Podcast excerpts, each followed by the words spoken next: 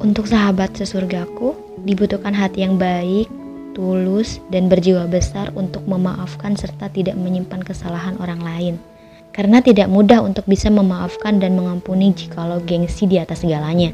Tuhan menciptakan setiap manusia dengan bentuk, perilaku, dan karakter yang berbeda-beda.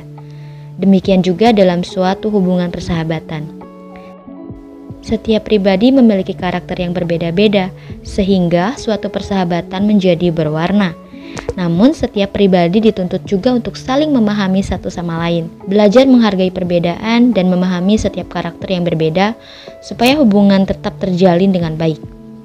Mari jauhkan diri dari sikap egois, cepat memberi penilaian buruk, mengungkit-ungkit kesalahan yang lalu karena itu merupakan musuh-musuh yang akan merusak suatu hubungan persahabatan.